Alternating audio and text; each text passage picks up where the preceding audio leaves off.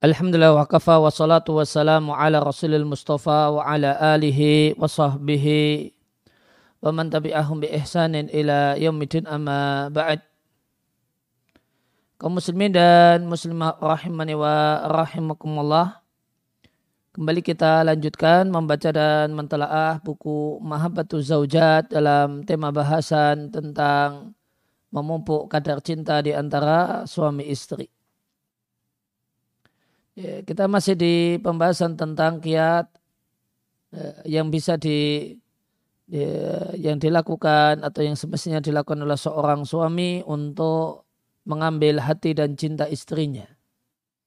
Kiat yang ke-37 ini kiat yang ya, yang ke-37 adalah uh, berupayalah wahai suami jangan sampai pekerjaanmu itu menyibukkanmu an zaujatika sehingga tidak memperhatikan istrimu dan rumahmu. Demikian sibuknya sehingga dengan kadar yang lebih banyak dari kadar yang logis. Ingat sabda Nabi Shallallahu Alaihi Wasallam wa inna li zaujika alaika haqqa. Istrimu itu punya hak yang wajib ditunaikan.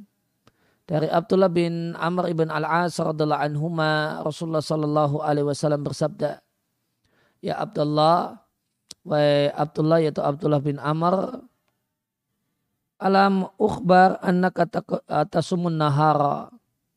Benarkah informasi yang sampai kepada aku bahwasanya setiap siang engkau berpuasa? Uh, watakumul laila dan setiap malam sepanjang malam engkau sol, uh, engkau salat maka Abdullah bin Amr ibn al-As mengatakan, Bala ya Rasulullah, betul wahai Rasul Allah. Nabi lantas mengatakan, Fala taf'al, jangan lakukan semacam itu. Namun, som wa aftir. Ya, kadang berpuasa dan kadang tidak puasa. Kum wanam, ada waktu untuk sholat malam dan ada waktu untuk tidur. Kenapa Fa li jasadika alaika haqqa karena badanmu itu memiliki hak. Wa inna li ainika alaika haqqa dan matamu juga punya hak untuk tidur. Ya, badanmu punya hak untuk istirahat, untuk beri, diberi asupan makanan yang cukup, dan matamu juga memiliki hak untuk diistirahatkan dan diajak untuk tidur.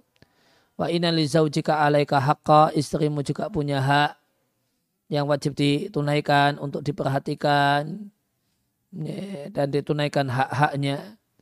Wa inna li zaurika alaika haqqa. Zaur jamak dari zair. Orang yang berkunjung termasuk di antaranya adalah tamu. Orang yang berkunjung ke rumahmu itu juga punya hak untuk di, diperhatikan dan dilayani. Kemudian Nabi katakan la soma man somat dahara. Tidaklah dinilai berpuasa orang yang setiap hari berpuasa dan Nabi katakan saumu salah satu ayamin min kulli syahrin saumu dahri kullihi. Berpuasa tiga hari setiap bulannya itu sama dengan puasa setiap hari sepanjang tahun. Oleh karena itu sum kula syahrin salah tata ayamin. Berpuala, berpuasalah setiap bulannya sebanyak tiga hari. Waqa'il Qur'ana fi kulli syahrin. Khatamkan ya, Al-Quran sebulan sekali. Maka Abdullah bin Amr bin Al-As mengatakan, ini utiku aktsara min dhalika. Aku mampu lebih dari hal itu. Nah, ini menunjukkan semangat beliau dalam beribadah. Dan demikianlah semangat para sahabat dalam ibadah. Oleh karena itu layaklah untuk dikatakan bahwa sebagaimana perkataan Hudzaifah ibn Yaman radhiyallahu taala anhu semua ibadah yang tidak dikenal oleh para sahabat jangan lakukan. Karena mereka adalah eh, wajar sahabat Abdul uh, sahabat Udzaifah Ibn Yaman mengatakan hal ini. Karena mereka adalah manusia-manusia yang punya semangat untuk beribadah yang luar biasa.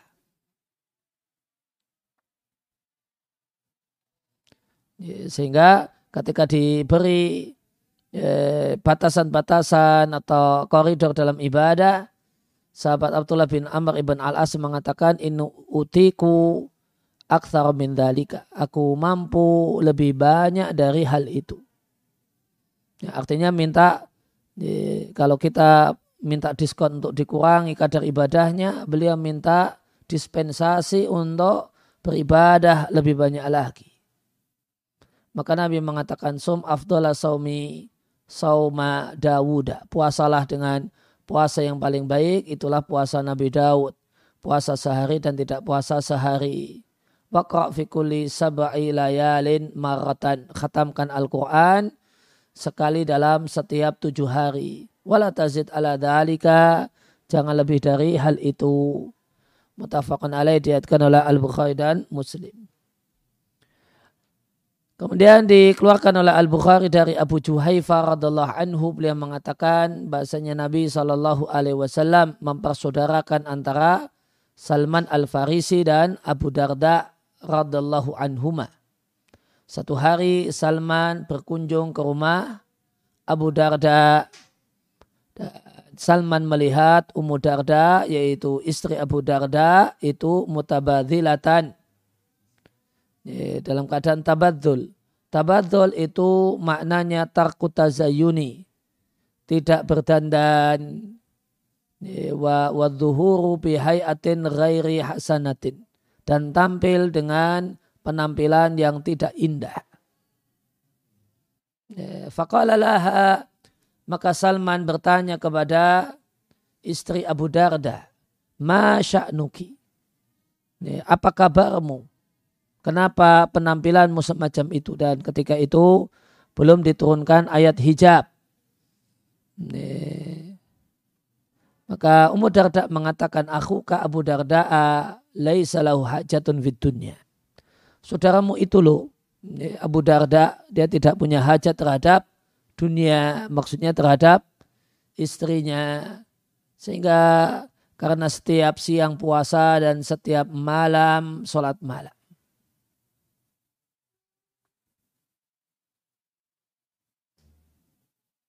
Fajar Abu Darda, lantas Abu Darda datang dan melihat ada tamu, Abu Darda membuatkan makanan untuk tamunya. Fakala lantas lantas Salman mengatakan, kul ayo bareng makan. Abu Darda menjawab, fa ini imun, saya sedang puasa. Akhirnya Salman mengatakan, ma'ana biakilin hatta tak gula. Aku tidak mau makan sampai engkau mau menemani aku makan. Akhirnya Abu Darda membatalkan puasa sunnahnya dan makan menemani Salman. Dan Salman ketika itu ya, menginap di rumah Abu Darda dan Abu Darda membersamainya. Fala makanan lailu maka tatkala malam tiba dahabu dahaba Abu Darda'i yakumu maka baru di awal malam Abu Darda itu uh, bangun untuk sholat. Yaitu liqiyamil laili. Untuk mengerjakan sholat malam. Maka Salman menahan saudaranya Abu Darda dengan mengatakan, Enam, tidur dulu saja. Akhirnya Abu Darda mengalah dan tidur. Kemudian Abu Darda bangun di separuh malam. Di Salman ikut terbangun dan menahannya dengan mengatakan, ayo tidur lagi. Maka tatkala akhir malam, di sepertiga malam yang terakhir, Salman mengajak Budarda untuk bangun. Kum al-ana. Ayo bangun sekarang. Keduanya mengerjakan sholat. Sholat malam. Lantas Salman berkata kepada Abu Darda, Inna li rabbika alaika haqqa wa inna li nafsika alaika haqqa wa li ahlika alaika haqqa. Tuhanmu itu punya hak yang wajib ditunaikan yaitu ibadah. Dirimu itu punya hak yang wajib ditunaikan istirahat. Istrimu juga punya hak yang wajib ditunaikan untuk diperhatikan. Maka sikap yang betul adalah fa'ati kuladi haqqin haqqahu. Tunaikanlah hak setiap orang yang punya hak Kemudian Abu Darda datang menemui Nabi Shallallahu Alaihi Wasallam dan menceritakan perkataan Salman kepada Abu Darda. Respon Nabi Shallallahu Alaihi Wasallam adalah sodaka Salmanu. Benar apa yang dilakukan oleh Salman dan dikatakan oleh Salman bahasanya seorang muslim yang baik adalah yang memberikan hak pada masing-masing yang punya hak. Maka Allah punya hak untuk disembah, keluarga punya hak untuk diperhatikan, anak-anak punya hak untuk ditemani, kantor juga punya hak untuk dibereskan pekerjaannya, tempat kerja juga punya hak untuk ditunaikan haknya, maka prinsip seorang muslim adalah mengamalkan hal ini. Fa'ati kulladhi haqqin haqqahu. Berikan kepada yang punya hak, haknya masing-masing. Ya, kata penulis Abu Talha yaitu penulis buku ini, demikian perintah Nabi Shallallahu Alaihi Wasallam dan ini dalam masalah agama. Ya, dan agama seluruhnya adalah kebaikan, seluruh kebaikan. Nah, ini masalahnya ya, istri di, ditelantarkan karena sibuk puasa dan sibuk sholat malam. Fama baluka filladhi maka bagaimanakah dengan orang yang menyibukkan dirinya dalam kerja-kerja dunia dan remuan dunia yaitu harta. Sehingga tidak perhatian dengan istrinya, tidak perhatian dengan dirinya, tidak perhatian dengan badannya, tidak perhatian dengan matanya, dan tidak perhatian dengan tamunya. Ini boleh jadi mertua yang jadi orang tua yang datang bertamu, dan seterusnya. Kemudian eh, ya, kiat yang ke-38 untuk bisa mengambil hati dan cinta istri adalah jangan biarkan istri selalu sendirian di rumah ya, lifat ratin tawilatin dalam masa dalam jangka waktu yang lama. Duna mubaririn kawiyin tanpa ada faktor pembenar yang kuat. Terlebih-lebih lagi jika istri ini tidak punya anak yang dia bisa sibuk untuk berkegiatan ngurusi anak.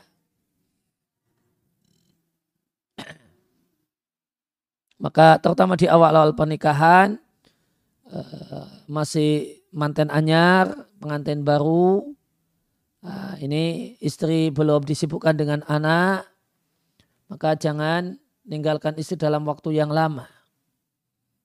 Maka usahakan untuk izin kalau ada acara-acara uh, untuk izin atau menghindar kalau ada acara-acara yang uh, me menyita waktu yang lama keluar kota satu pekan atau dua pekan misalnya kalau bisa dihindari maka hindari.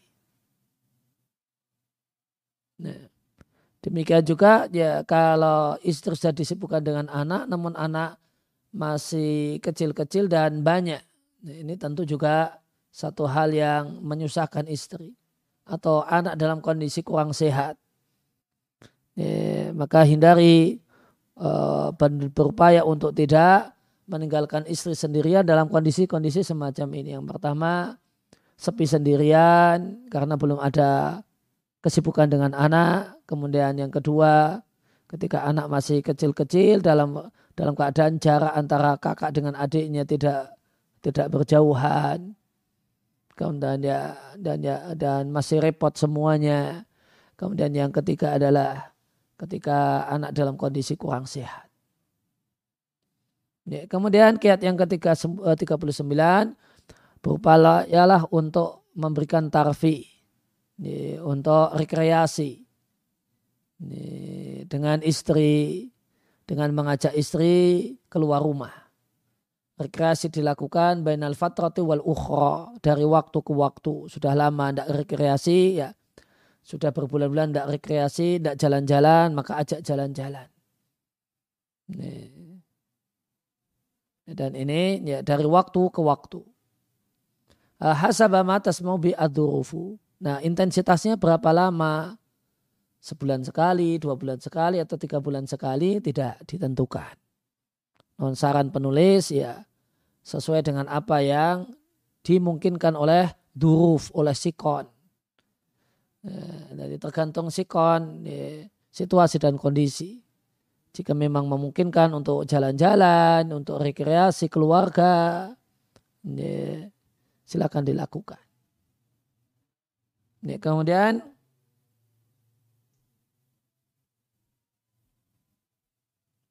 dan satu hal yang penting sekali poin yang ke-40 lam takun mustabid dan biraika. Ya, jangan uh, otoriter dengan pendapat-pendapat pribadi wahai suami. Jangan menjadi suami yang suka memaksakan pendapat. Ini, namun dalam menjadi suami yang terbuka, yang menerima saran, yang bisa berdialog dengan istrinya dan bisa uh, menerima saran-saran istri dan masukan-masukan istri terutama fil umuri baitiyah dalam masalah urusan rumah. Dalam urusan masalah rapi-rapi rumah, posisi meja, ini posisi uh, rak piring dan sebagainya. Maka pasrahkan itu kepada istri. Ya, jangan bikin kecewa istri uh, ketika dia sudah bersusah payah geser ini dan itu, geser meja agar uh, meja dan kursi tamu supaya penampilannya demikian. Pulang-pulang suami komplain, uh, ngomel-ngomel, nggak setuju. Ya. maka terutama dalam perkara-perkara rumah yang basitoh yang sederhana serahkan kepada istri. Wa aratta dan jika engkau wahai suami ingin melaksanakan satu ide yang itu berbeda dengan ide dan pendapat istrimu. Fahawil qabla dalika maka berupayalah sebelum melakukan mengeksekusi ide tersebut berupayalah untuk meyakinkan istri yakinkan istri biwajahati nazarika tepatnya sudut pandangmu Ya, artinya ada uh, ada obrolan, ada ada musyawarah, ya, ada bertukar pikiran dan yakinkan istri bahasanya yang seharusnya adalah melakukan tindakan demikian dan demikian.